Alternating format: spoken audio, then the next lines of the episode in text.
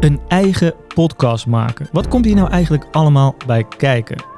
Vandaag heb ik Larry Overgouw op bezoek en Larry is de host van de We Do podcast.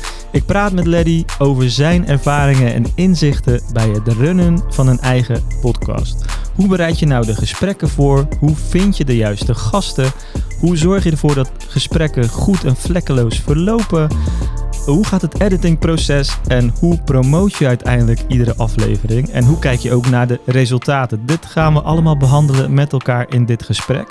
Ben je nou benieuwd hoe het is om een eigen podcast te runnen en wil je misschien zelf ook aan de slag met een podcast? Dan is dit zeker een toffe aflevering om naar te luisteren. Mijn naam is Alain en je luistert naar de Digitaal Bijpraten podcast.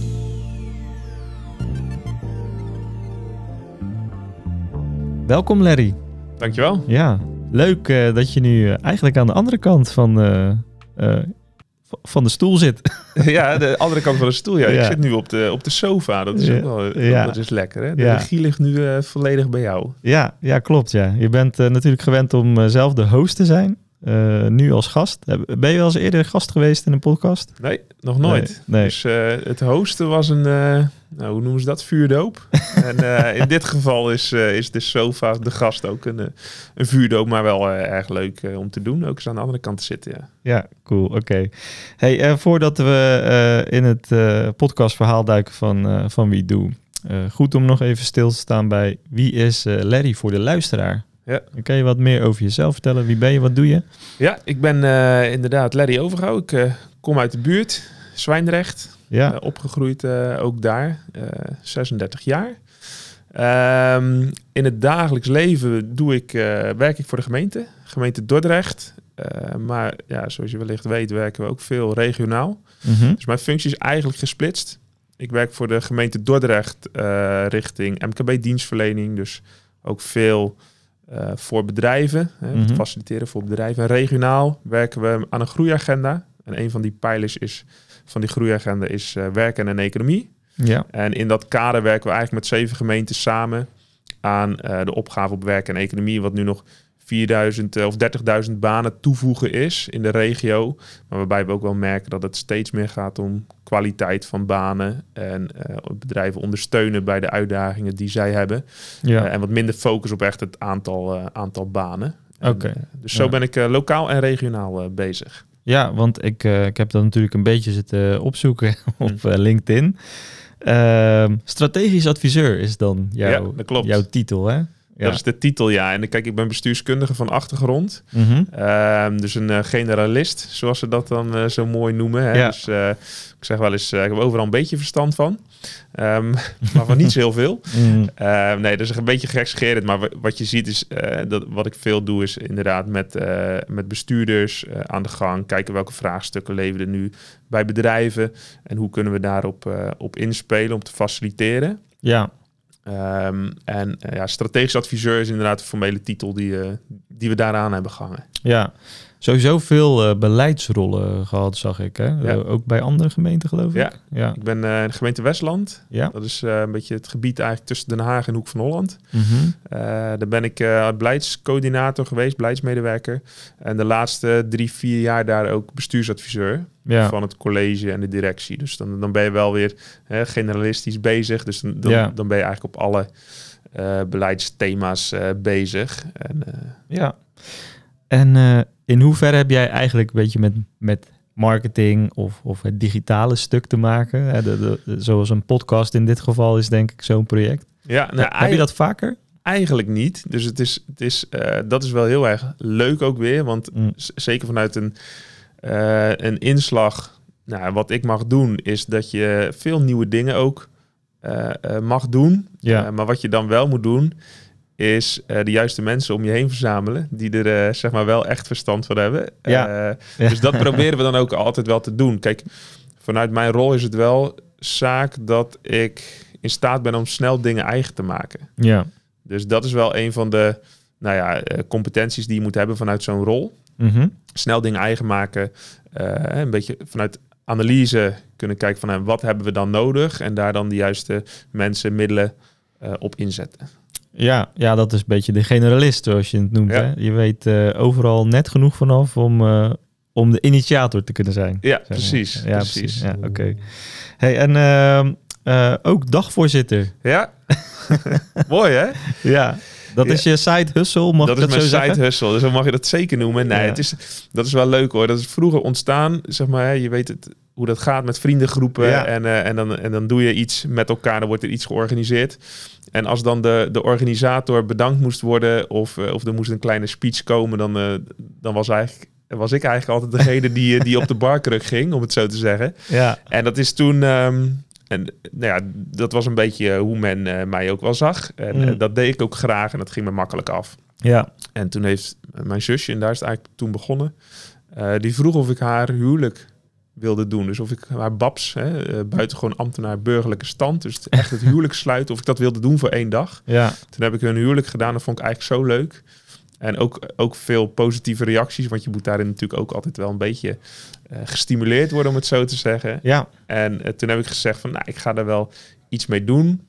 Uh, eromheen. Ja. Dus, dus wel echt naast het huidige werk. En nou, toen heb ik ook een website gemaakt. Ik, ik doe niet echt aan acquisitie of iets dergelijks. Dus, dus ja. het zijn af en, toe, af en toe wat klussen, maar niet, niet heel veel. Hoor. Maar het is wel erg leuk om te doen. Ja, dat komt dan tussendoor af en toe voorbij. Uh, ja. Via het netwerk of via Ja. via vaak, eh, kan ik me voorstellen. Klopt. Ja. Dus dat is eh, inderdaad hoor, het is eh babs, hè, dat, het sluiten van huwelijken, eh, wat presentatieklussen. Binnenkort hebben we de binnenvaartdagen in Zwijndrecht. Nou, dan sta ik op het podium om aan te kondigen wat, eh, wat de volgende eh, band is of, of wat er allemaal op het terrein te doen is. En Ja. eh, webinars eh, doe ik dan ook en, eh, en dagvoorzitter. Dus ja. Maar dan valt het stukje podcast als host, een podcast host, zou er ook gewoon goed tussen vallen. dat zou daar prima tussen kunnen vallen. Of vind je dat, zou dat dan weer een stapje te ver gaan? Nou, kijk, ik sta altijd open voor dit soort dingen, omdat ik dat gewoon leuk vind om te doen. En eh, ik moet heel eerlijk zeggen, ik ben er eigenlijk een beetje mee gestart toen net corona kwam. Mhm. En, toen had, en toen had ik in mijn hoofd eh, dagvoorzitterschap, eh, dat, dat babsen, het sluiten van huwelijken en presenteren. Ik had eigenlijk nooit over webinars, het hosten van webinars nagedacht. nee. Maar ja, toen kwam corona, toen gingen alle evenementen gingen natuurlijk online. Ja, En eh, nou ja, webinars, nou, er zijn nog nooit zoveel webinars eh, gehouden als in die periode natuurlijk. Dus nou, toen kwam dat voorbij. En ja, die, dat eerste jaar heb ik bijna alleen maar webinars gedaan. ja. Dat was eigenlijk hartstikke leuk. Maar ik had er vooraf nog niet eens zo over nagedacht. En eigenlijk is dat met podcasten precies hetzelfde. Uiteindelijk zijn we via WeDo ben ik ermee in aanraking gekomen van... nee, misschien zouden we voor WeDo ook wel een podcast eh, kunnen maken. En nou, vanuit wat ik leuk vind om te doen en ernaast doen... dacht ik, nou, hoe is het... Wat is er mooier dan die twee combineren? Dus eh, nou, de Ja. podcast zelf hosten vanuit mijn, in dit geval gewoon mijn functie eh, en mijn werk in, eh, in Dordrecht. Ja, precies. Ja, want het heeft heel veel met het stukje verbinden te maken en eh, gesprekken voeren. En dat is, dat is eigenlijk ook wat je dus doet als dagvoorzitter.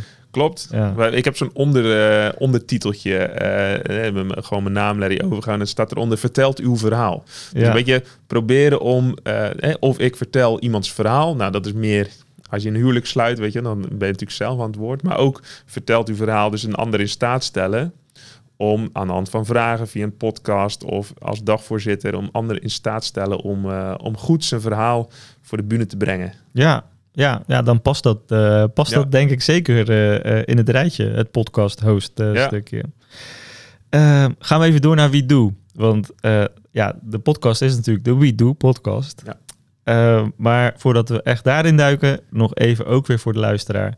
Wat is We Do eigenlijk? We Do, ja, het is ooit ontstaan. Je kunt ook afvragen, We Do, waar staan die letters dan voor? Hè? En je hebt I Amsterdam. Het is een beetje een analogie daarvan Mm. ooit bedacht. Hè? We Do, Eh daar zit natuurlijk iets in van, hè, we, we doen het, we doen het samen, gaat het daarom. Hè? We Do, de DO. Zijn natuurlijk ook van Dordrecht. Ja. We Dordrecht. Nou, zo kun je er allerlei eh, eh, verbanden in zien. Zo is die ook wel eh, ontstaan. Ehm, qua titel. Maar waar ligt nou echt de oorsprong van We Do?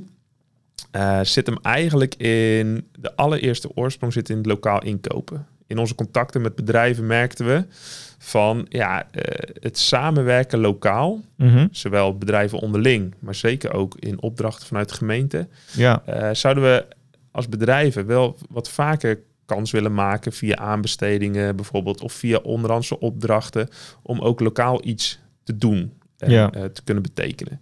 Toen hebben we wel gezegd van oké, dat is een van de zaken. Maar, maar ja, wat zit er meer? Hè? Van als je daar iets op wilt organiseren, wat heb je dan te organiseren? Ehm, toen hebben we een paar punten. We doen eens in de twee jaar een onderzoek naar MKB-dienstverlening in onze gemeente. Er komen scores uit, komt feedback uit. En lokaal aanbesteden kwam er dus uit, maar ook verbinding tussen en met ondernemers kwam daaruit. Uh, en toen hebben we Charco van Raalte, ook een Dordtse ondernemer, die hebben we eigenlijk gevraagd om eens nader te onderzoeken van, maar welke behoeften leeft er dan onder, onder, onder ondernemers? Wat zouden wij moeten faciliteren om uh, nou, die vraag uh, te beantwoorden of die behoefte in te vullen? Uh, en zo is eigenlijk het WeDo-platform ontstaan. Want we hebben ook gezien dat, je moet je voorstellen, bij de gemeentelijke website hebben we ook een tapje ondernemers. Ja. Alleen de gemeentelijke website, die is aan allerlei regels ook gebonden. Want die moet voor iedereen uh, uh, beschikbaar en leesbaar zijn. Ook als je misschien slechtziend bent. Of uh, nou, dat soort zaken hebben we heel veel regels mee te maken. En kun, kunnen we niet alles zomaar op kwijt. En WeDo hebben we ingestoken als echt een platform voor en door ondernemers. Dus daar kan nieuws op voor ondernemers. Belangrijke informatie vanuit van ondernemersverenigingen. We zijn ook bezig nu met een planning van wat gebeurt er nou allemaal aan activiteiten. Wat interessant kan zijn voor ondernemers in het Dortse. Ja. Dus zo proberen we die, uh, uh, dat platform echt op te bouwen en ook nog steeds uit te bouwen. Want we leren nog steeds en we worden nog steeds feedback van ondernemers van hey, wat, wat heb ik er nu precies aan? Wat kan ik ermee? Nou, en dan probeer je door te vragen om te kijken van hey, welk volgende stapje kunnen we nemen ja. om, uh, om in die behoefte te voorzien. Nou, ja. Dat is het WeDo platform. Maar het is begonnen, zeg jij eigenlijk uh, meer vanuit oké, okay, uh, het inkoop, lokaal inkopen. Lokaal inkopen is een van een belangrijke trigger, ja. Ja, ja, precies. Want je hebt dan ook een soort van marktplaats. Ja uh, op de website staan waar je een opdracht kunt uh, plaatsen of je dienst kunt aanbieden of product. Ja. ja. En andersom ook, als je denkt van hey, ik zou wel iets in uh, Dordrecht willen doen, kijk gerust op, op die site, hè, ja. op wie doe. En dan zie je ook van hey, waar zijn andere ondernemers naar op zoek. Of als je denkt van nou ja, ik, ik doe altijd wel zaken uh, met bepaalde relaties. Uh, en die zijn heel ergens anders. Heb ik verder niet echt een band mee. Of, of je hebt gewoon behoefte om eens te kijken van... hé, hey, wat is, zit er meer in dat segment? Uh, dan kun je ook op wie doe naar bedrijven in Dordrecht zoeken. Ja. Gewoon op basis van wat zij te bieden hebben. Ja, dus bedrijfsprofielen worden ja. daar ook aangemaakt. En ja, precies. Oké, helder.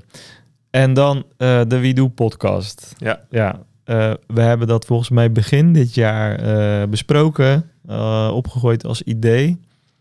Um, waarom heb jij uh, uiteindelijk wel, zeg maar, de beslissing genomen, ja, dit is een goed idee voor dit platform en dit moeten we doen? Kijk, eigenlijk zit die, uh, zit die in, in het gedachtegoed van wie doe. Want wie doe is voor en door ondernemers. Hè? Dat is een beetje die, de, de, de, de titel, of in ieder geval hè, wat we er vaak bij zeggen. Ja. En vanuit die filosofie denk ik dat dit ook ontstaan is. Hè? Want wij zijn toen ook met elkaar in contact gekomen. Uh, omdat via uh, de Hurt, uh, ja. een van de partijen, Elephant in dit geval, hè, die, die ook ons hielpen bij het opzetten van het platform, gewoon de website bouwen. Ja.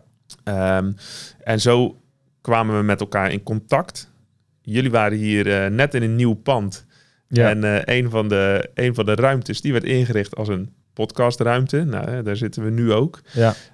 en, en zo ontstaat zoiets van hey, zou dat ook interessant kunnen zijn voor ons?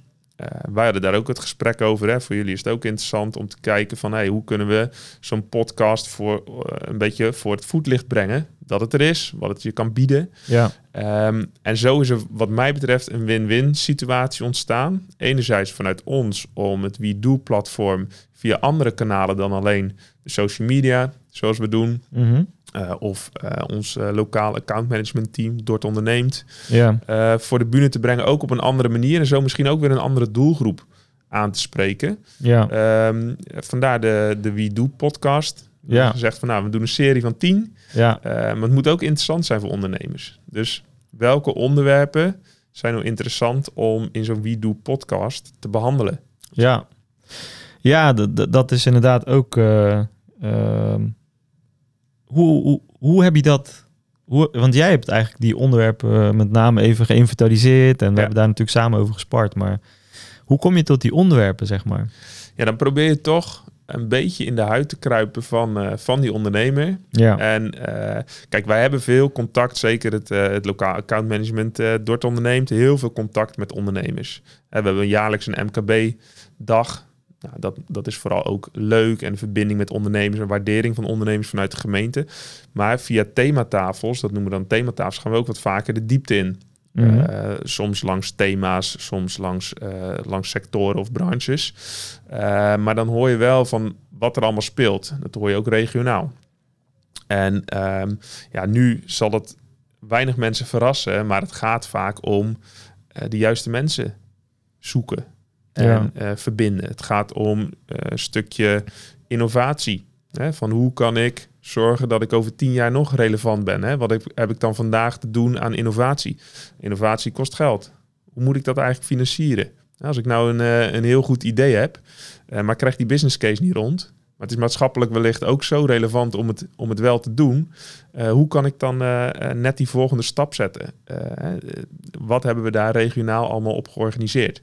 Dus echt nadenken van, of nadenken, vooral ook vertalen wat je van die ondernemers hoort. En wat, wat, wat voor de ene ondernemer relevant is, als je dat iets optilt, um, kan het voor, vaak voor heel veel ondernemers, soms vanuit heel andere achtergronden, ook relevant zijn. Ja. En op die manier hebben we eigenlijk die, ehm, die onderwerpen bepaald. Ja, en daar gasten bij gezocht. Ja. ja. Was dat nog een uitdaging om de juiste gasten te vinden en ook zover te krijgen dat ze hier uh, komen praten, zeg maar? Eigenlijk viel dat wel mee. Ja. Um, wat ik wel altijd een beetje lastig vind, is ook wij uh, komen dan toch vaak een beetje bij de usual suspects uit. Dus, mm -hmm. dus ik zit ook wel eens na te denken, hoe kom je nou tot die andere groep die je misschien niet zo heel snel uh, spreekt. Daar hebben we er overigens ook nog wel een, een, uh, een paar van weten te strikken, om het zo maar te zeggen. Maar eigenlijk iedereen, ja.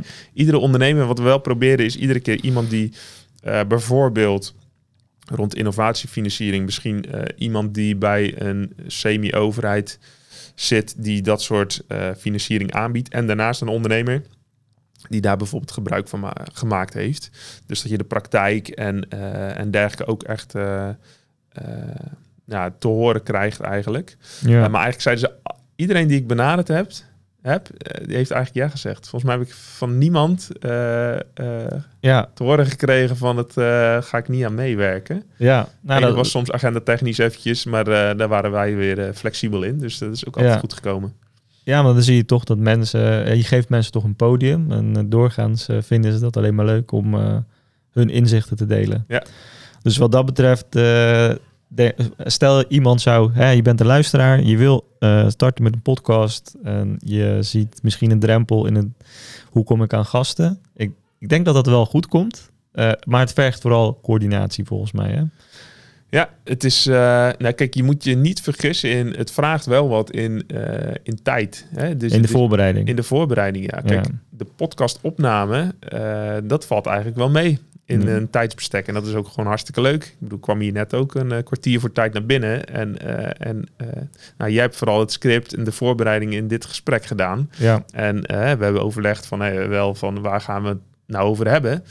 Maar ver vervolgens is het voor mij natuurlijk vooral gewoon vanuit mijn kennis en ervaring spreken. Ja. Dus, nou, dus als gast heb je daar niet zo heel veel voorbereiding op nodig. Maar als je nee. zelf die podcast podcast wil initiëren, ja, dan moet je goed nadenken inderdaad van welke onderwerpen wil ik uh, aan de hand hebben en wanneer is het interessant voor je luisteraar. Ja, ja ik, ik merk ook zelf uh, hoe beter je je richt op de voorbereiding, des te beter het gesprek ook wordt. Ehm, en daar zitten wat nuances in, want wij hebben bijvoorbeeld in onze eigen podcast hebben wij geëxperimenteerd met laten we echt ja, bijna puntsgewijs uitschrijven wat we moeten vertellen. Ja, dat werkt dan weer, uh, naar mijn ervaring, averechts. Want dan wordt het een heel erg uh, houterig gesprek waarbij je punten gaat volgen. Dus je wil ook ruimte houden. Dat, het moet gewoon een gesprek zijn en iemand moet dat ervaren. De luisteraar moet het ervaren als een, als een gesprek. Dus als je te veel gesloten gaat maken, die script, ja, dan, dan voelt het gewoon niet meer natuurlijk, zeg maar.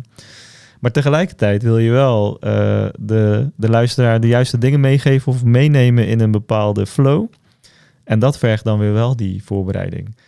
Uh, en ja, wat ik bijvoorbeeld zie is, ik, ik probeer, dat lukt me niet altijd hoor, maar ik probeer bij zo'n aflevering vooronderzoek te doen naar welke content is hier eerder over gemaakt en wat vertellen ze daar. En wil ik, wil ik dat vertellen of wil ik nog iets anders vertellen? Maar als je dat gaat doen, dan ben je zo'n uur bezig in je voorbereiding voor, voor de aflevering. Ja, je zoekt echt naar je toegevoegde waarde eigenlijk hè, voor, je, voor, voor je luisteraar. Ja. Daar is voorbereiding voor nodig. Uh, ik herken wel wat je zegt hoor, want in die, in de serie die, die ik maak, uh, op onderdelen weet ik al gewoon wel een hele hoop. Dus dat is een voordeel van uh, de gasten die er zitten, die ken ik 9 van de 10 keer uh, al goed. Ik weet eigenlijk wat ze doen. Uh, ja. en, en ook de programma's die ze draaien. Dus, dus daar heb je dan in die zin een voorsprong op. Um, anderzijds is het ook wel weer zo dat soms ga je dan invullen voor de luisteraar, weet je. Omdat, je, omdat ik dan uh, een hoop daarvan weet, ga je dus soort van uit dat een luisteraar dat ook heeft. Maar dan vergeet je nog wel eens om eigenlijk te beginnen bij het begin. Ja. En dan pas die diepte in te gaan. Dus, dus, en dat, daar komt die voorbereiding volgens mij wel om de hoek kijken. Want... Ja, voor jou is het heel, helemaal vanzelfsprekend. En dan ga je er heel snel overheen en door naar de volgende topic. Terwijl er nog best wat onderliggende vragen zouden kunnen liggen. Dus als je echt even uh, uitzoomt, jezelf terugtrekt en nadenkt, in echt in die huid probeert te kruipen, in dit geval bij wie doe, bij die ondernemer, welke vragen zou die ondernemer nu aan deze gast willen stellen, zeg maar. En dat is de uitdaging, denk ik. Ja, en ik, een van de tips die, uh, die jullie ook wel gaven tijdens, uh, tijdens onze opnames in de serie was van probeer het aan de hand van voorbeelden ook te bespreken. Dus, ja. dus, dus vraag ook naar voorbeelden van een ondernemer als je het ergens over hebt. Um, uh, van wat is nou in de praktijk zijn ervaring? Wat, waar liep die tegenaan? En geef echt een voorbeeld van een project waar dat gebeurde. En ja. dan wordt het iets levendiger en dan, dan is het ook makkelijker om je daarin te verplaatsen en het te vertalen als luisteraar naar je eigen situatie. Ja, dat, dat maakt het een stuk tastbaarder natuurlijk. Ja, ja. en zeker uh, uh, voor WeDo, zijn, de doelgroep is onder, zijn ondernemers. En die houden volgens mij wel van een stukje pragmatische aanpak. Uh, terwijl je het best wel over beleidsmatige onderwerpen ook hebt, zeg maar. Ja, dat, dat voelt al heel snel zweverig voor een ondernemer. Dus de uitdaging was inderdaad... Oké, hoe krijgen we het terug naar de, dag, de dagdagelijkse gang van zaken waar je het nu over hebt. Ja, en het, maakt het ook wel complex hoor, van hoe wij het uh, met de We Do podcast gedaan hebben. Omdat We Do is voor alle ondernemers, van groot tot klein, uh, in Dordrecht. Ja. Maar die hebben natuurlijk wel allemaal uh, een soort van andere behoeften. Ja. en en ja. ja. dus dan kom je bij onderwerpen die de ene keer wellicht wel relevant of interessant zijn en de andere keer wellicht een stuk minder. Ja. dat was nog wel eens een, een worsteling. Maar hebben we in die zin ook alweer voor lief genomen van oké, dat, dat, dat is dan zo. Uh, maar kan misschien wel effect hebben op, uh, op nou, of luisteraars terugkomen een volgende keer. Ja, ja precies. Hey, en um, we zijn toen gestart met de podcast. Dat was al een tijdje geleden. als je daarna terugkijkt, hoe zou je jouw verwachtingen destijds omsch omschrijven? Wat waren jouw verwachtingen bij vooraf en zijn die veranderd? En dan heb je het dan over de inhoud van de podcast, hè? Maar van mij als host of meer van hey, wat wilde, wilde bereiken? Wat je wilde bereiken eigenlijk. Ja. Kijk, we hadden toen uh, ook al een gesprek aan de voorkant hè, van uh, wat wil je bereiken, luisteraars. Ja. Het aantal luisteraars bij een startende podcast, dat is gewoon echt wel lastig om ja. daar goede aantallen uh, in te scoren. Dus daar waren eigenlijk mijn verwachtingen vrij laag. Ja. Um, nou, we hebben wat cijfers, hè, want we, de serie draait uh, op dit moment, zit ergens in het midden. Um, de cijfers die je ziet, die vielen me eerlijk gezegd niet tegen, maar je ziet wel een hoog uh, verschil. Dus de ene keer uh, wordt het veel geluisterd, de andere keer minder. Ja. Waar zit hem dat nou in? Hè? Dus, dus dat, is, dat is lastig. Vooraf had ik daar op het aantal luisteraars dus niet zo heel veel verwachtingen. Nee. Um, wat ik wel als verwachting had, wat ik net ook een beetje zei, was proberen op een andere manier wie doe. En met name gewoon wie doe, dus niet zozeer de podcast aan zich, maar wie doe voor het voetlicht te brengen. Want via de Wie Doe podcast breng je het toch alweer uh, bij ondernemers onder de aandacht. En ik zei ook van, als al hebben wij, hè, we draaien tien podcasts, al hebben we iedere podcast één ondernemer die er daadwerkelijk iets aan heeft en uh, daarmee aan de gang kan uh, en een volgende stap kan maken in, weet ik het, in zijn zoektocht naar personeel, in zijn financiering van een innovatie, nou, in de verbinding onderwijs uh, arbeidsmarkt of onderwijs arbeidsmarkt, weet je. Ja. Het maakt wat dat betreft voor mij niet heel veel uit, maar ehm, mijn verwachting was wel dat ik geloof er wel in dat nou, hoe relatief laag misschien hè, het bereik is qua luisteraars, geloof ik er wel echt in dat het, dat het iets triggers bij ondernemers van hey, wat is dat wie doe platform? Wat kan ik daarmee? En degene die ook de podcast luisteren, toch een paar zaken horen en denken van hé, hey, dan ga ik nou, hoeft niet vandaag of morgen, maar het wordt ergens opgeslagen. Er zijn een aantal verbindingen gemaakt, ook echt naar mensen uh, met wie je daarover het, uh, het vervolggesprek kan hebben. Dus mijn verwachtingen was zaadjes planten. Zo moet je ja. het eigenlijk zien. Zaadjes planten bij ondernemers om straks een vervolgstap te zetten uh, op ja. eigenlijk ergens binnen die thema's die we behandeld hebben. Ja, ik denk dat het ook de juiste verwachting is, eerlijk gezegd. En alleen is dat heel moeilijk te meten. Je kan niet zeggen, nou dan doen we eh, op basis van deze KPI's of uh, een grafiekje er tegenaan.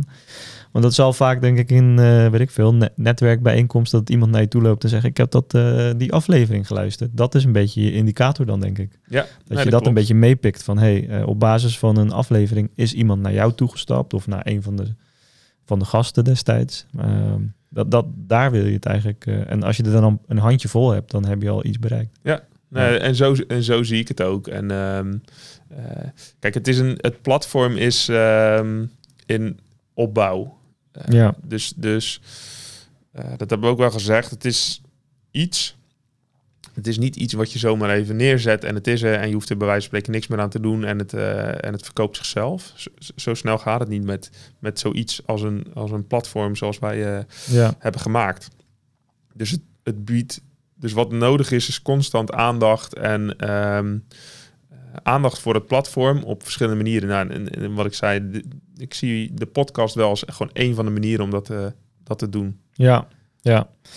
Um, ik wil nu nog even in het proces duiken. We hadden het net al een klein beetje over scripts en voorbereiden. Laten we daar een klein beetje op terugpakken. Uh, eerst even een beetje een helikopterview vraag. Uh, hoe heb je het als podcast host überhaupt ervaren? Je hebt best wel veel met dagvoorzitterschap te maken. Is het vergelijkbaar of is het, was het toch een beetje anders? Nee, het is wel anders. Wat het leuke is wel van een, bij een dagvoorzitterschap heb je vaak toch wel iets meer gescript. Hè, van wat je, je, je hebt in de gaten houden van wat de timing is. En, en de, de, dan ja. moet die spreker komen. En dan heb je wel, wel, eens wat korte gesprekken, soms ook wel een paneldiscussie. Hè, dus daar heb je dat soort aspecten wel. Maar als je uh, de podcast host. Het is toch wel lastig. Je zit hier met een, uh, met een microfoon uh, op je hoofd. Je, je voelt die verantwoordelijkheid om het gesprek soort van op gang te houden en, en de juiste dingen te raken. Ja. Dus ik vond dat nog wel nog best wel een, een uitdaging en, en weer ja. nieuw. Wat ik wel merkte is dat het dat dat iedere keer wel beter gaat. En een, een, beetje, een beetje met één stap naar voren, twee stappen terug af en toe, dat wel. maar de, het is wel een beetje al, al lerende of uh, aldoende leert men, weet je ja. Dus, dus uh, je doet er, er, ervaring op. En ik heb het wel als erg leuk ervaren. Um, die gesprekken, wat ik wel merk, uh, dat hadden wij net ook. aan de voorkant heb je altijd een leuk gesprek van hoe was het? Het gaat altijd super natuurlijk. En vaak zie je dat dat aan het einde van een podcast ook het geval is. Ja. maar hoe krijg je die soort van natuurlijke dynamiek? Gewoon dat het echt een gesprek is. Hoe krijg je dat in je podcast? Ja, de ijsbreker, uh, zeg maar. Ja, de dat, ijsbreker. En ik kan me nog herinneren dat wij... Um, bij, volgens mij was dat de allereerste opname. Toen um, zeiden we tegen de gasten van... Ja, pas op dat je elkaar niet constant in de reden valt. Want dat is voor een luisteraar uh, soms vervelend, hè? Ja. En wat gebeurde er in de praktijk? Ja, die gingen niet op, op elkaar reageren. reageren. Want ze dachten, ja, dan, dan val ik hem in de reden, weet je. Dus dat was heel uh, statisch eigenlijk. Ja, dus die instructie hebben we de tweede podcast ook gewoon weggelaten. En, vooral gezegd van, ja, je mag echt op elkaar reageren. En, uh, dus ja, dat, dat zie je dan uh, gebeuren. En dat is een beetje wat ik bedoel van, ja, dat, dat ervaar je dan. En, en daar kan je dan de volgende keer weer iets mee doen. Ja, ja als, je, als je dus een podcastformat met gasten hebt, is het sowieso echt, echt wel goed om stil te staan hoe je zo'n gast onboord, zeg maar, in de show. Uh, bij ons was het dus zo, die, uh, jij zit uh, op de stoel van de host en dan had je twee gasten op de bank. Maar je had ook nog eens twee mannen op de achtergrond die meeschreven en meeluisterden. Ja, dan moet je je voorstellen dat, je, dat jouw gast dan niet 100% zichzelf kan zijn. Want er zit verlichting op, camera's, kritische eh, blik van twee mensen die eh, er verstand van uh, ja, af en toe zegt iemand met een vingertje, oh, dit moet even opnieuw. Ja, dat is voor, zeg maar voor de ervaring van, van zo'n gast die niet gewend is om dit soort dingen te doen. Ja, dan gaat hij niet 100% authentiek zichzelf zijn. Terwijl dat juist de waarde biedt in het gesprek. En daar waren we nog even ja, in, op zoek, aan het zoeken van hoe krijg je dat wat losser. vind ik ook lastig. Ja. Ja. Kijk, mijn, het is ook lastig. En uh, maar mijn uh, conclusie tot nu toe is, uh, een beetje in het midden van die serie ook wel, is dat je... Ze voelen zich gasten volgens mij senang bij als ze weten waar het over gaat. Ja. Dus dat ze wel een soort van een goede voorbereiding hebben op de inhoud. Mm -hmm. Dat ze weten wat ze kunnen verwachten qua vragen langs de lijn van de inhoud. En um, nou, ik zei net al eventjes dat het vaak goed werkt als er met voorbeelden eh, ja. gewerkt wordt. Hè. Dus dat heb ik de laatste keren ook wel echt meegegeven. Hè. Denk, denk na over voorbeelden die je daarover in de praktijk zou kunnen vertellen. Hè, wat je in de praktijk hebt meegemaakt. Ja. En dan zie je dat ze daarop goed voor kunnen bereiden. Dus inhoud en praktische voorbeelden. En eh, dan wordt het wel echt vertellen vanuit eigen ervaring. En dan, dan dat komt ook al snel natuurlijker over. Ja. Dus uh, ik denk wel op inhoud van hey, waar gaan we het over hebben? Uh, dat, dat geeft dan wat rust. Want dan zien ze waarschijnlijk ook wel, ja, daar weet ik hartstikke veel vanaf. Dus dat kan ik gewoon vanuit mijn eigen ervaring vertellen. Maar ze niet helemaal, ja, hoe zeg je dat, vol uh, stoppen met de do's en don'ts van een podcast. Ja, ja. ja, en ik zit zelf te kijken van, heeft de setting er nog iets mee te maken? Hoe, hoe iemand hier binnenkomt en in wat voor ruimte die stapt. Dus stel jij zou een podcast maken en je hebt een hele formele setting. En eh, iemand komt binnen bij een receptioniste. Dat is een hele andere ervaring dan wanneer je een beetje een huiselijke setting maakt. En desnoods op een vrijdagmiddag de podcast met een biertje doet. Ja, ja dat, en dat is geen goed of fout, maar het heeft heel veel impact in eh, hoe het gesprek zal lopen, denk ik. Ja, daar ben ik het helemaal mee eens. En ik, ik luister niet heel veel podcasts, zei ik net, uh, zei ik net al in voorbereiding hierop, uh, volgens mij. Maar ik, ik ken er wel een paar en ik weet er ook eentje, die wordt gewoon buiten volgens mij aan een, aan een, uh, aan een picknicktafel. Ja. Wel bij iemand in de tuin, dus hè, de, ja. maar die wordt gewoon buiten opgenomen. Dat geeft ook al een hele andere sfeer en dynamiek aan, aan zo'n gesprek. Ja, uh, kijk ook uh, even los van de podcast. Als jij een gesprek met iemand zou voeren, met een collega, en je gaat een vergaderruimte boeken en je gaat tegenover hem zitten, is dat heel anders dan wanneer je zegt, zullen we even een stukje lopen? Ja.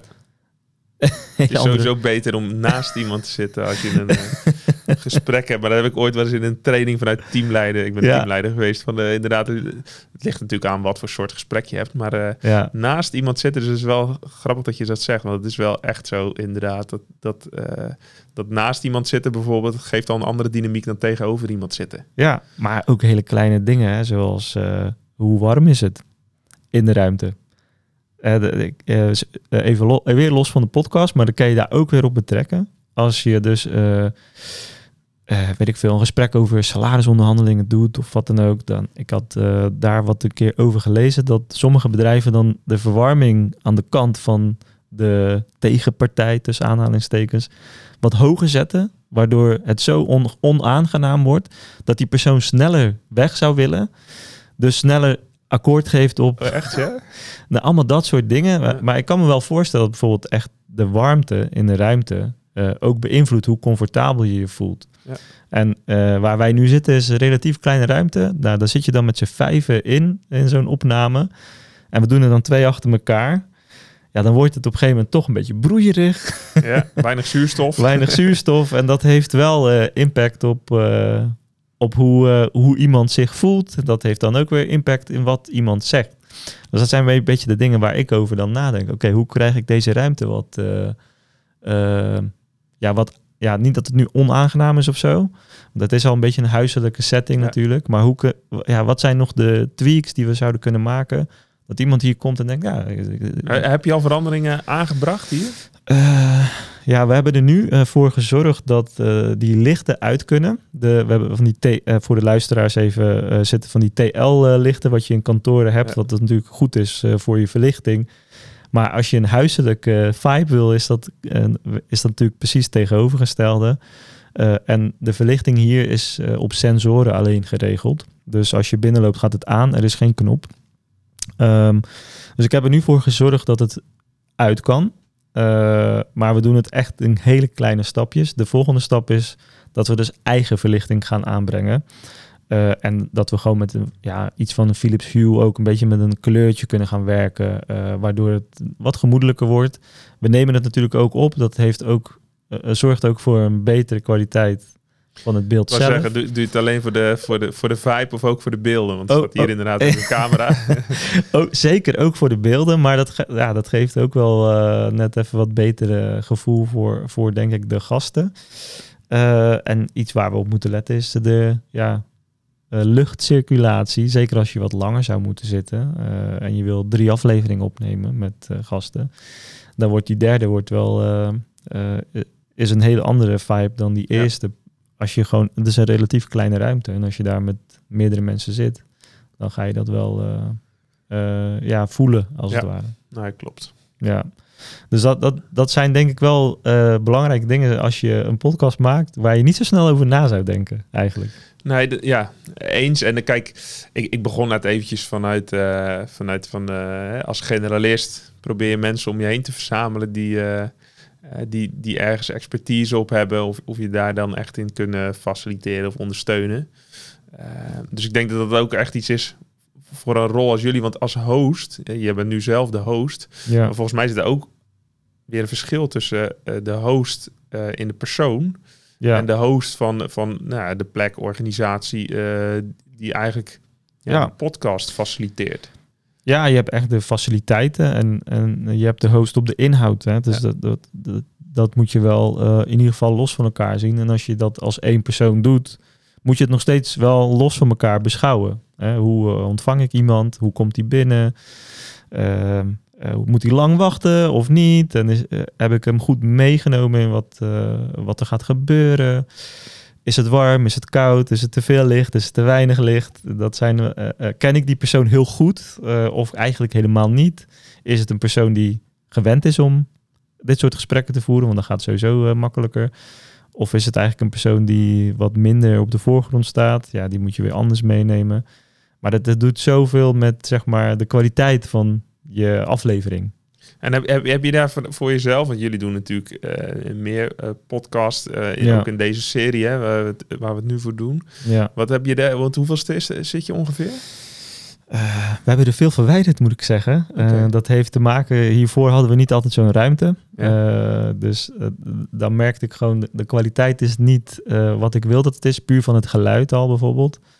En in het begin was het gewoon een beetje aanklooien. En uh, uh, sommige onderwerpen dacht ik ook van ja, dit is echt niet leuk om naar te luisteren. Dus ik heb er wel wat verwijderd. Maar experimenteren eigenlijk. Ja, precies. In het begin gedaan. Ja. ja. En, en, nu hebben we dat glad getrokken een paar weken geleden. Zitten nu, dit wordt de 27ste. Oké. Ja. ja. En wij doen er iedere week uh, eentje. En het heet natuurlijk digitaal bijpraten. en het concept is dat we echt bijpraten over digitale dingen. ja.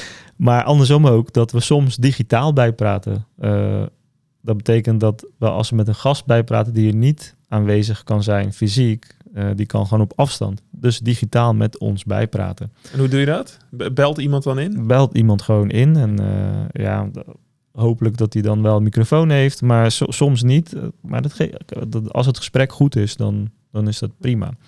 Dus het, vanuit daar is het, is het concept eigenlijk. En uh, ik denk dat 70, 80 procent van de gesprekken is met Fabian, mijn uh, compagnon. En ja, wij kennen elkaar door en door. Dus daar hoef je met al deze nuances heel weinig rekening te houden. Dan is het gewoon, ja, ik, ik weet precies wat ik aan hem heb en hij, wat hij aan mij heeft. Je zegt goed qua ingespeeld. Ja, ik heb zoals geluisterd. Het, ja. het is ook wat gezellig. En, ja. uh, dus, uh, dus het is leuk en inhoud en uh, ja. dat goed gecombineerd. Ja, ja. En, en die andere 20, 30 procent zijn dan wel met gasten. En daar probeer ik wel wat betere voorbereidingen voor te treffen. Dan moet ik zeggen dat voor deze niet helemaal gelukt is, uh, Larry. en dat komt natuurlijk omdat je dacht van ja, die, eh, die heeft hier ook zo vaak in die studio gezeten, daar komen we wel uit. Dat, dat, dat gevoel had ik wel inderdaad. Uh, maar normaal gesproken, ik, ik heb binnenkort ook een paar gasten die ik persoonlijk helemaal niet uh, ken. Ja, dan vind ik het wel echt belangrijk dat ze ruim van tevoren een script krijgen. Dan bel ik ze ook even van tevoren nog van hey, was het duidelijk en heb je nog vragen?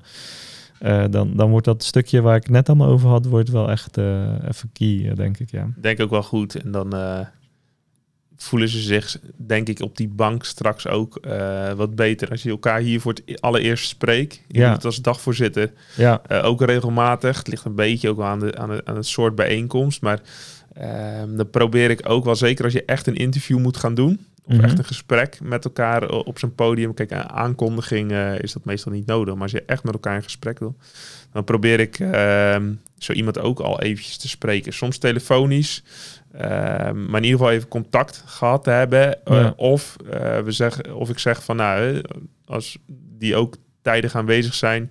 Ehm, ik ben er ook altijd ruim op tijd dat je zegt van nee, dan meeten we daar eventjes. Dan heb je in ieder geval even het, het ijs gebroken en elkaar leren kennen. Sta je niet ineens op een podium of in dit geval in een podcast uh, voor het eerst, met, voor het eerst met elkaar in contact. Ja, dat soort dingen denk ik uh, super belangrijk. En uh, waar ik zelf op moet letten, ik maak de scripts alleen. Dat heb jij volgens mij ook vooral gedaan, hè? Ja. Um, voor mijn gevoel uh, was het ook, zeg maar, voor de We Do podcast waardevoller dat ik eventjes met de scripts meekeek. Want je merkt toch dat er, eh, jij hebt een bepaalde beeld. En, en zodra iemand anders ernaar kijkt, krijg je toch even een ander perspectief erbij. Ja. Maar ik denk dat het voor mezelf net zo goed geldt. ja, dat, ja. dat is. je, je kijkt toch op een bepaalde manier vanuit je eigen kennis, vanuit je eigen ervaringen naar zoiets. En, ja. Uh, ja de, we zeiden het eerder al van het kost tijd. Hè? Dus je moet er echt uh, tijd voor vrijmaken. En dat geldt voor zo'n script ook. En dat geldt ook voor, uh, voor het even terugleggen bij jou. Ja. Nou, we hebben nog een, uh, een opname staan uh, volgende week toevallig. En het, kwartje valt bij mij weer van, oh ja, want die, dat script had ik in de agenda staan om naar de gasten toe te sturen, maandag of dinsdag. Nou, kon je net zeggen, ruim van tevoren. Dan kun je afvragen of dat vier dagen van tevoren, nou, ja. kan wellicht voldoende zijn. Zit er in ieder geval nog vers in het geheugen, kun je zeggen. Alleen het triggerde me wel weer even van, oh ja, ik zal hem ook nog even naar Alain sturen voordat ik hem uitstuur. Ja. Om nog eventjes wat, uh, wat feedback erop te krijgen. Want het heeft wel altijd geholpen, uh, moet ik zeggen. En altijd, jij gaf mij vaak weer even het inzicht van, ja, maar wat wil die luisteraar nou precies horen? Hè? En, en, en, en wat kan daar nou, relevant voor zijn? Misschien moet je daar nog iets op doorvragen. Hey, gaan we nu niet te breed in het onderwerp hè, blijft het daarmee uh, wel relevant en interessant genoeg. Ja. Uh, dus moet je misschien iets uh, hier of daar iets verder de diepte in. Dat soort feedback ja. helpt echt. Ja, precies. En ik, ik, ik heb nu ook een paar gasten opgeleid staan. Ik heb die script zelf gemaakt en dat gaat dan hoe ik mijn scripts voorbereid. Ik ben ook benieuwd hoe jij het doet, hè? dus laten we daar zo meteen even op in. Hoe ik het dus doe, ik, ik ga op online googlen naar het onderwerp waar ik het over wil hebben. En dan uh, lees ik even wat kop uh, door. Op basis van die koppen noteer ik gewoon wat vragen. Ik kijk naar het profiel van die persoon. Noteer ik nog wat vragen op basis van het profiel. Um, en dan heb ik eigenlijk de outline wel redelijk staan. Dat zijn eigenlijk gewoon um, ja, meestal drie tot vijf hoofdvragen met nog wat subvraagjes erbij. En dat vind ik voldoende voor een script. Um, ik denk dat mijn scripts dus beter gaan worden wanneer ik het nog bij een paar collega's neer ga leggen. Van, stel jij zou alles over dit onderwerp willen weten. Ik heb deze vragen. Wat, uh, wat zou je nog meer willen weten? Ja. Of zijn uh, even net even dat extra stukje wat je zelf in een soort van tunnelvisie toch niet meer ziet, zeg maar. Ja, je vroeg hoe, hoe ik dat dan deed. Ja. Uh, kijk, ik ben wat meer betrokken bij die inhoudelijke onderwerpen waar we het met de gasten over gingen hebben. Uh, dus en misschien was dat ook wel een klein beetje mijn valkuil. Dus hoe ik daar vaak naar keek, was van oké, dat onderwerp ken ik goed. Wat wil ik dat er in ieder geval gezegd wordt vanuit de doelstellingen die wij als gemeente hebben, of in ieder geval van ik weet, bijvoorbeeld innovatiefinanciering. Dan weet ik dat er verschillende partijen zijn die daar fondsen op uh, bieden of uh, vanuit business development bijvoorbeeld daar uh, ondersteuning op kunnen bieden. Mm -hmm. En dan ging ik de vragen erg insteken van dan wil ik dat ze daar antwoord op geven. Hè, en dat ze gaan toelichten dat dat fonds er is. Um, en toen kreeg ik eigenlijk vaak feedback van jou van oké, okay, maar kijk nou eens van concreet voorbeeld van een bedrijf wat bijvoorbeeld misschien al gebruik gemaakt heeft van zo'n fonds. En wat heeft uh, zo'n bedrijf, wat heeft die dat gebracht? En dus dan ik benader het dan meer vanuit, nou, ga de theorie maar vertellen. Ja. Hoe, het, hoe het eigenlijk uh, beleidsmatig, zou jij misschien zeggen, beleidsmatig in elkaar zit. Um, uh, dus, dus zo benader ik hem vooraf altijd. Van, nou, ik wil die beleidsmatige punten die erin zitten, of in ieder geval die, uh, nou, wat we als gemeente te bieden hebben, dat moet voor het voetlicht komen. Ja. Terwijl dat is misschien, dat zijn dan de middelen, maar je moet misschien meer eh, vanuit het doel benaderen. En, en nou, ook vanuit nou, wat, wat een ondernemer dan meegemaakt heeft. En, en vanuit die praktijk, oh, en dan kan het antwoord wellicht innovatiefinanciering of dat, dat innovatiefonds zijn. Ja, dat je er een stukje context eigenlijk gelijk bij biedt. Ja. En uh, dan zit het antwoord dat het bestaat, zit er al automatisch in verweven, zeg maar. Ja, en dan kan je daar alleen een, een korte verbinding naar maken van... oké, en, hoe, en hoe, hoe kom je dan in contact met iemand die je daar meer over kan vertellen? Want in zo'n podcast kom je toch niet tot dat niveau om uh, precies te, uh, te vertellen wat het dan inhoudt voor, die, uh, voor het project of die case die jij dan als ondernemer toevallig hebt. Ja, ja. En luister jij ze allemaal ook echt helemaal na? Of doe je er even de snel doorheen? Of... Ik uh, moet heel eerlijk zeggen dat ik sommige integraal heb geluisterd, maar ik vind het toch altijd een beetje lastig om naar mezelf te luisteren. dat, ja. Dus ja, ja. van het ander zou ik hem waarschijnlijk allemaal, uh, allemaal ja. luisteren, maar ik vind het altijd een beetje tenenkrommend om naar mezelf te moeten luisteren of zo. Ik weet niet, dat vind ik altijd lastig. Ja, ja is ook hoor. Ik, uh, ik hoor dat wel meer.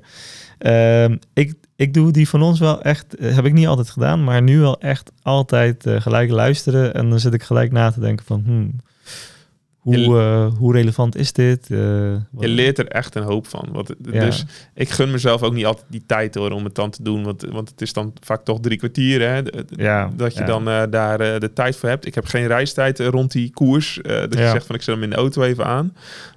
Um, maar je leert er wel echt van. En hoe tenenkrommend uh, noemde ik het net, het af en toe ook is. Het is wel echt, um, het helpt je wel echt. En uh, ik heb ook wel ooit zo in het kader van uh, dagvoorzitterschap, presentatietraining en dat soort zaken. Dan neem je jezelf op en dan zie je ineens, oh, dit, dit doe ik eigenlijk altijd. Weet je, dit is, ja. mijn, dit is mijn standaard dingetje wat ik altijd doe. Komt eigenlijk niet zo lekker over. En dan, nee. dat zie je dan echt van jezelf. Ja, ja, ze zeggen ook wel eens, uh, als je gaat presenteren, neem het op en kijk ernaar. Ja. Uh, dat, doe, dat doe ik dan weer niet, maar uh, ja, dat, heeft, dat is wel een beetje hetzelfde, hetzelfde strekking, ja. ja. Dat is best leerzaam. En ook überhaupt om te analyseren van, hmm, zou ik dit oprecht luisteren als ik niet wist dat ik het zelf was, zeg maar. Ja, als het antwoord dan nee is, dan uh, is er werk aan de winkel. Ja, precies. en ik moet wel eerlijk zeggen, kijk, ik, ik, ik ga het bij jou ook aan. Hè. Kijk, ik, ik doe dit soort klussen uh, en in dit geval dan uh, een beetje een combinatie van beide, omdat ik het vanuit mijn nevenactiviteiten gewoon leuk vind om dit soort zaken te doen. Um, maar het is niet mijn fulltime job of zo. Dus nee. het is wel echt een, een nevenactiviteit. Uh, ja. dus, dus ik moet wel eerlijk zeggen, ik benader het ook vaak zo. Hè? Dus um, ik, ik ben wel constant bezig van, hé, hey, wat kan beter? Uh, en wat kan ik wellicht anders doen? Ja. Maar een hele analyse uh, constant doen, ja, dit, daar heb ik dan de tijd niet voor. En ja. ja. als je misschien meer vanuit jouw rol inderdaad zou zitten van, hé, hey, dit is onderdeel echt van, van uh, de core business wat wij hier doen. Uh, dus dan denk ik dat het wel goed is dat je er inderdaad op die manier mee omgaat en, en die analyses doet. Ja. ja, precies. En dat, brengt me ook eventjes bij het volgende punt. En dat is best wel een belangrijke waar ook wellicht niet altijd bij stilgestaan wordt. En dat is de, zeg maar het concept en format van de podcast. Um, en dat heeft, dat heeft toch nog wel wat uh, gevoeligheden. Want ja, een podcast is altijd verbonden aan een persoon. er moet iemand. de consistente factor is ja, de host. je hebt ook podcast formats waarin één persoon altijd vertelt. Maar dan is het nog steeds. De persoon is de constante factor. En dat maakt het denk ik het gevoelige stuk. als dit voor een bedrijf of merk wordt ingezet, koppel je dat automatisch dus aan een persoon. En hoe waarborg je continuïteit? Ja. zeg maar. Als je begrijpt wat ik bedoel. Want wat gebeurt als, als zo'n medewerker bijvoorbeeld weggaat of... Uh, in jouw geval, hè, jij zegt ook gewoon, hey, ik, doe het, uh, ik doe het erbij. Maar uh, ja, misschien vind je het uiteindelijk niet meer leuk of past niet meer in je planning of wat dan ook. Ja, dan, kun je natuurlijk best wel een switch maken dat er een soort van andere host komt. Dat, dat is echt niet onmogelijk. Maar toch, uh, dat is wel een beetje een constante factor in iedere podcast format, is de, ja, de host of de, de, de prater, als het ware. Constante factor, ja, dat is eigenlijk wel een goede vraag. Ik heb nog niet op die manier ja. naar gekeken. Hoe gaan jullie daarmee om? Ja, voor ons is het vrij makkelijk, want ik ben de oprichter en eigenaar. En ik ga, ja, de, kans is niet heel dat ik uh, ooit uh, vertrek. En, dus, dus dat is een, een hele lage, uh, ja, tussen aan en afbreukrisico. Maar als je, als je het in gaat zetten echt richting klanten, dan, dan is dit denk ik voor het concept van de podcast een belangrijke als je bijvoorbeeld naar WeDo zou kijken, je zou het ook kunnen zeggen. We maken de podcast voor en door ondernemers. dus dat je het in die ondernemerscommunity gaat zoeken naar uh, op een gegeven moment iemand die het heel tof vindt om dit te doen en heel erg in de verbinding staat. En een, een pool je hebt er bij uh, NPO 1, of ja. Uh, die pool van presentatoren toch? Die, ja. Volgens mij zijn er weer van afgestapt, dat weet ik niet zeker. Maar ja, bijvoorbeeld, keer een andere presentator. Stel je hebt inderdaad vijf uh, ondernemers die het super tof vinden en die doen alle vijf doen ze er ja, vijf per jaar of zo, ik noem maar wat. dan, dan heb je inderdaad een soort van roulatie en verhalen en, en dingen. Maar dus aan, aan het begin is het denk ik wel goed om bij stil te staan, zeg maar. Hoe hou je dit hoe hou je het gaande? Ja, ja en, en, en uh, moet het gaande blijven? Of hè, mag er een kop en een staart eh, aan ja. zitten? Digitaal bijpraten kan ik me voorstellen dat je, nou, daar hoeft niet per se een, uh, een einde aan te zitten binnenkort. Um, als ik heb over wie doe podcast, nou, dan moeten wij wel constant weer die afweging maken van hey, uh, past het bij eh, het effect wat we willen bereiken met, met wie doel. Want uiteindelijk is wie doel het doel. Dat dat, gaat, uh, dat dat goed draait. En de podcast in die zin een middel. Ja. Uh, de podcast is voor ons, voor ons geen doel om dat soort van in de lucht te houden. Het is echt een middel om het, om het platform ja. nou, onder de aandacht te brengen, verbinding op te maken. En um, vanuit, wel vanuit het gedachtegoed van wie doel uh, want dat zit er natuurlijk ook wel een beetje in de Wie Doe podcast gemaakt. Hè? En vanuit het gedachtegoed voor door ondernemers elkaar als ondernemers inspireren, informeren uh, aan de hand van zo'n podcast. Ja, het, het, het, verbindingstukje is best een mooi mechanisme in een podcast. Ja. En uh, ik, ik merk het ook bij onze podcast, willen we daar ook mee gaan experimenteren. Wij zijn natuurlijk een commercieel geheel dus wij zijn er ook bij gebaat dat er nieuwe klanditie komt. Niet per se alleen voor de podcast, wij doen veel meer dan dat. Maar de podcast is wel een hele mooie manier om iemand, een potentiële klant, het podium te geven en zijn verhaal te vertellen. En dan is die toch hier. Ja. dus uh, je hebt heel veel mooie bedrijven in de regio die heel veel toffe dingen doen, waar wij ook heel graag voor zouden willen werken.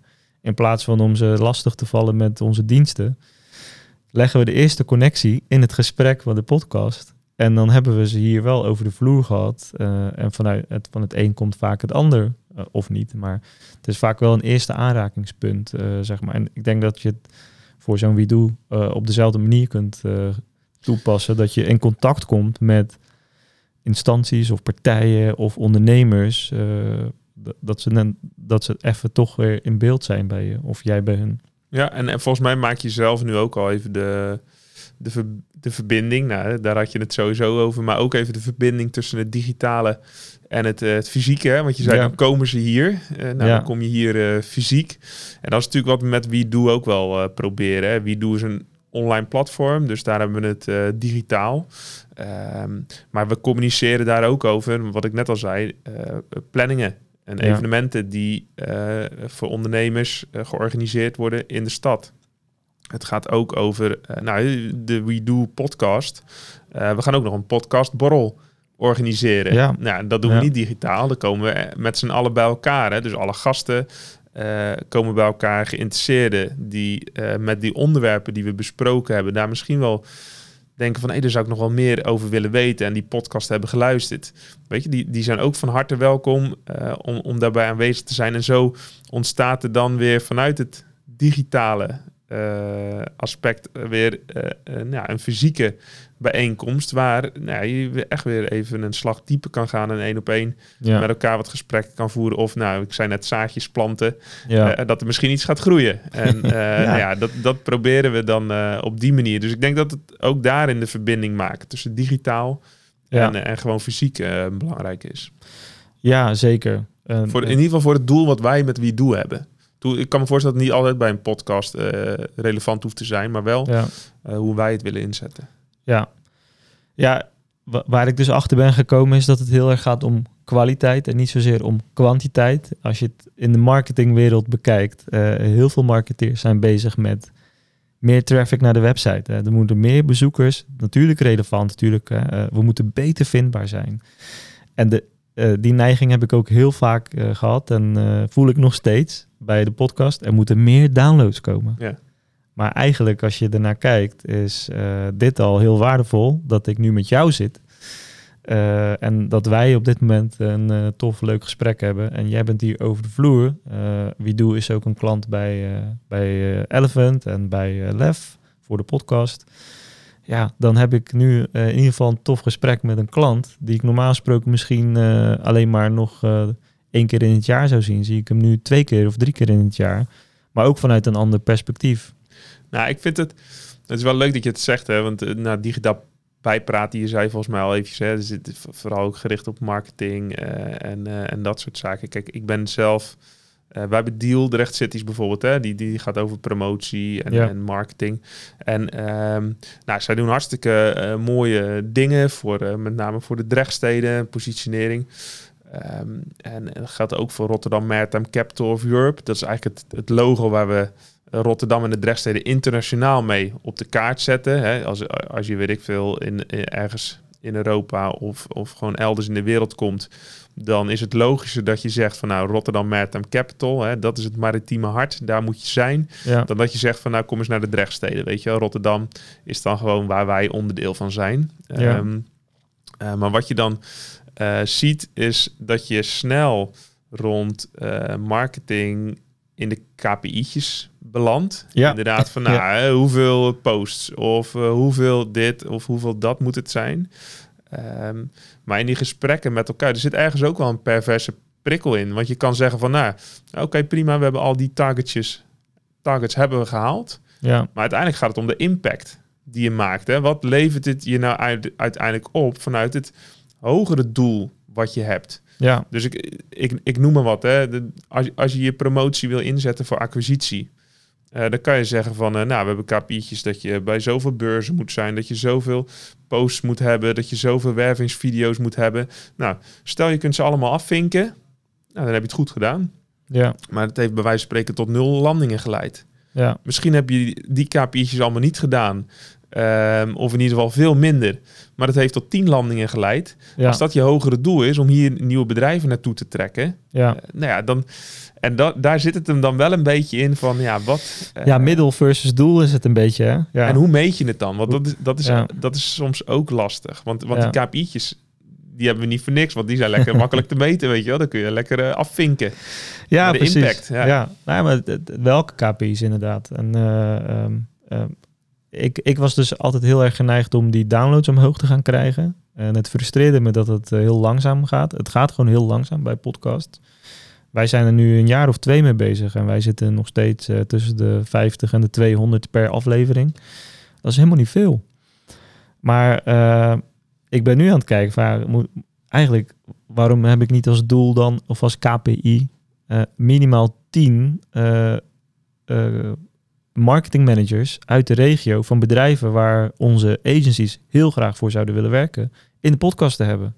Ja, ja dat is ook een, dat is misschien een veel waardevollere KPI dan naar 300 downloads te gaan. Nou, je zegt het zo, hè? want je zegt uh, niet veel. Ja, maar wat is dan veel? Want, ja. uh, want, wat, wat als, er, als er van die 50, dat is precies van uh, welke impact wil je hebben. Ja. Van als er van die 50 tot 200 zijn die, die bij wijze van spreken, als die allemaal vervolgens als gevolg van die podcast hier een opdracht neerleggen. Dan zeg jij van, nou, dan heb ik er aan 100 ook wel genoeg, want zoveel werk kan ik niet aan, weet je wel. dus, doe, maar, doe maar rustig. Doe maar rustig aan. Dus, dus, dus dat is precies, precies wat je zegt, ja. Van welke doel streef je naar? En uiteindelijk kan ik me ook wel voorstellen. Ik bedoel, het komt ook ergens vandaan. Hè? De kans is gewoon groter dat iemand die hier binnenwandelt van hey, kunnen jullie iets voor mij doen? Um, als je duizend luisteraars hebt, uh, is de kans uh, ja. gevoelsmatig groter dat er iemand tussen zit die dat denkt, dan dat je er tien hebt. Uh, ja. maar, maar, het gaat om kwaliteit. Dat is wel echt. Ja, en dat is even een, een, een switch voor iedere marketeer. Ga je met podcast aan de slag? Sta je niet blind op de downloads? maar zoek ook de ja, laten we zeggen, de KPI's eromheen. Wat het echt moet gaan doen voor je. En uh, kun je daar makkelijk inzicht in krijgen eigenlijk? Van wie, de, wie er luistert? Nou, niet letterlijk wie er luistert. Uh, en het gaat ook niet zo ver als bijvoorbeeld de data rondom websites, wat je allemaal kunt meten. Maar je kunt best veel meten. Ehm, dus wij zien bijvoorbeeld het aantal downloads. Let op dat een download is eigenlijk als iemand voor, uit mijn hoofd drie seconden luistert, is het, of zelfs één seconde, is het een download. Dus een download zegt eigenlijk op zichzelf niet heel veel. je hebt dan ook luisteraars. Ja, die moeten dan minimaal een x percentage van de aflevering luisteren. Je kunt ook zien wat de gemiddelde luistertijd per aflevering is, wordt in percentages weergegeven. Uh, dus bij wijze van als het, als het de gemiddelde 50% is, dat betekent voor die aflevering dat de meeste mensen naar, de, na 50% afhaken. Dus daarmee kun je, kun je ook kijken, oké, gebeurt er iets uh, in mijn gesprek waardoor ze afhaken? Moet ik dat aanpassen of kun je learnings uithalen? Je kunt zien waar ze luisteren, als in uh, locatie.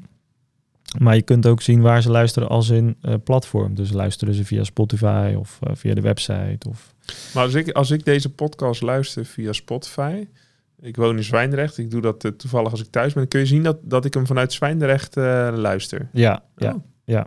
Dat kan je dan wel zien. de, er zitten wel nuances in, hè? want ja, of jij nou op 4G luistert of 5G of, of via een wifi ja, dat registreert hij dan anders. Dus uh, het is vooral wel met indicatief mee om te gaan.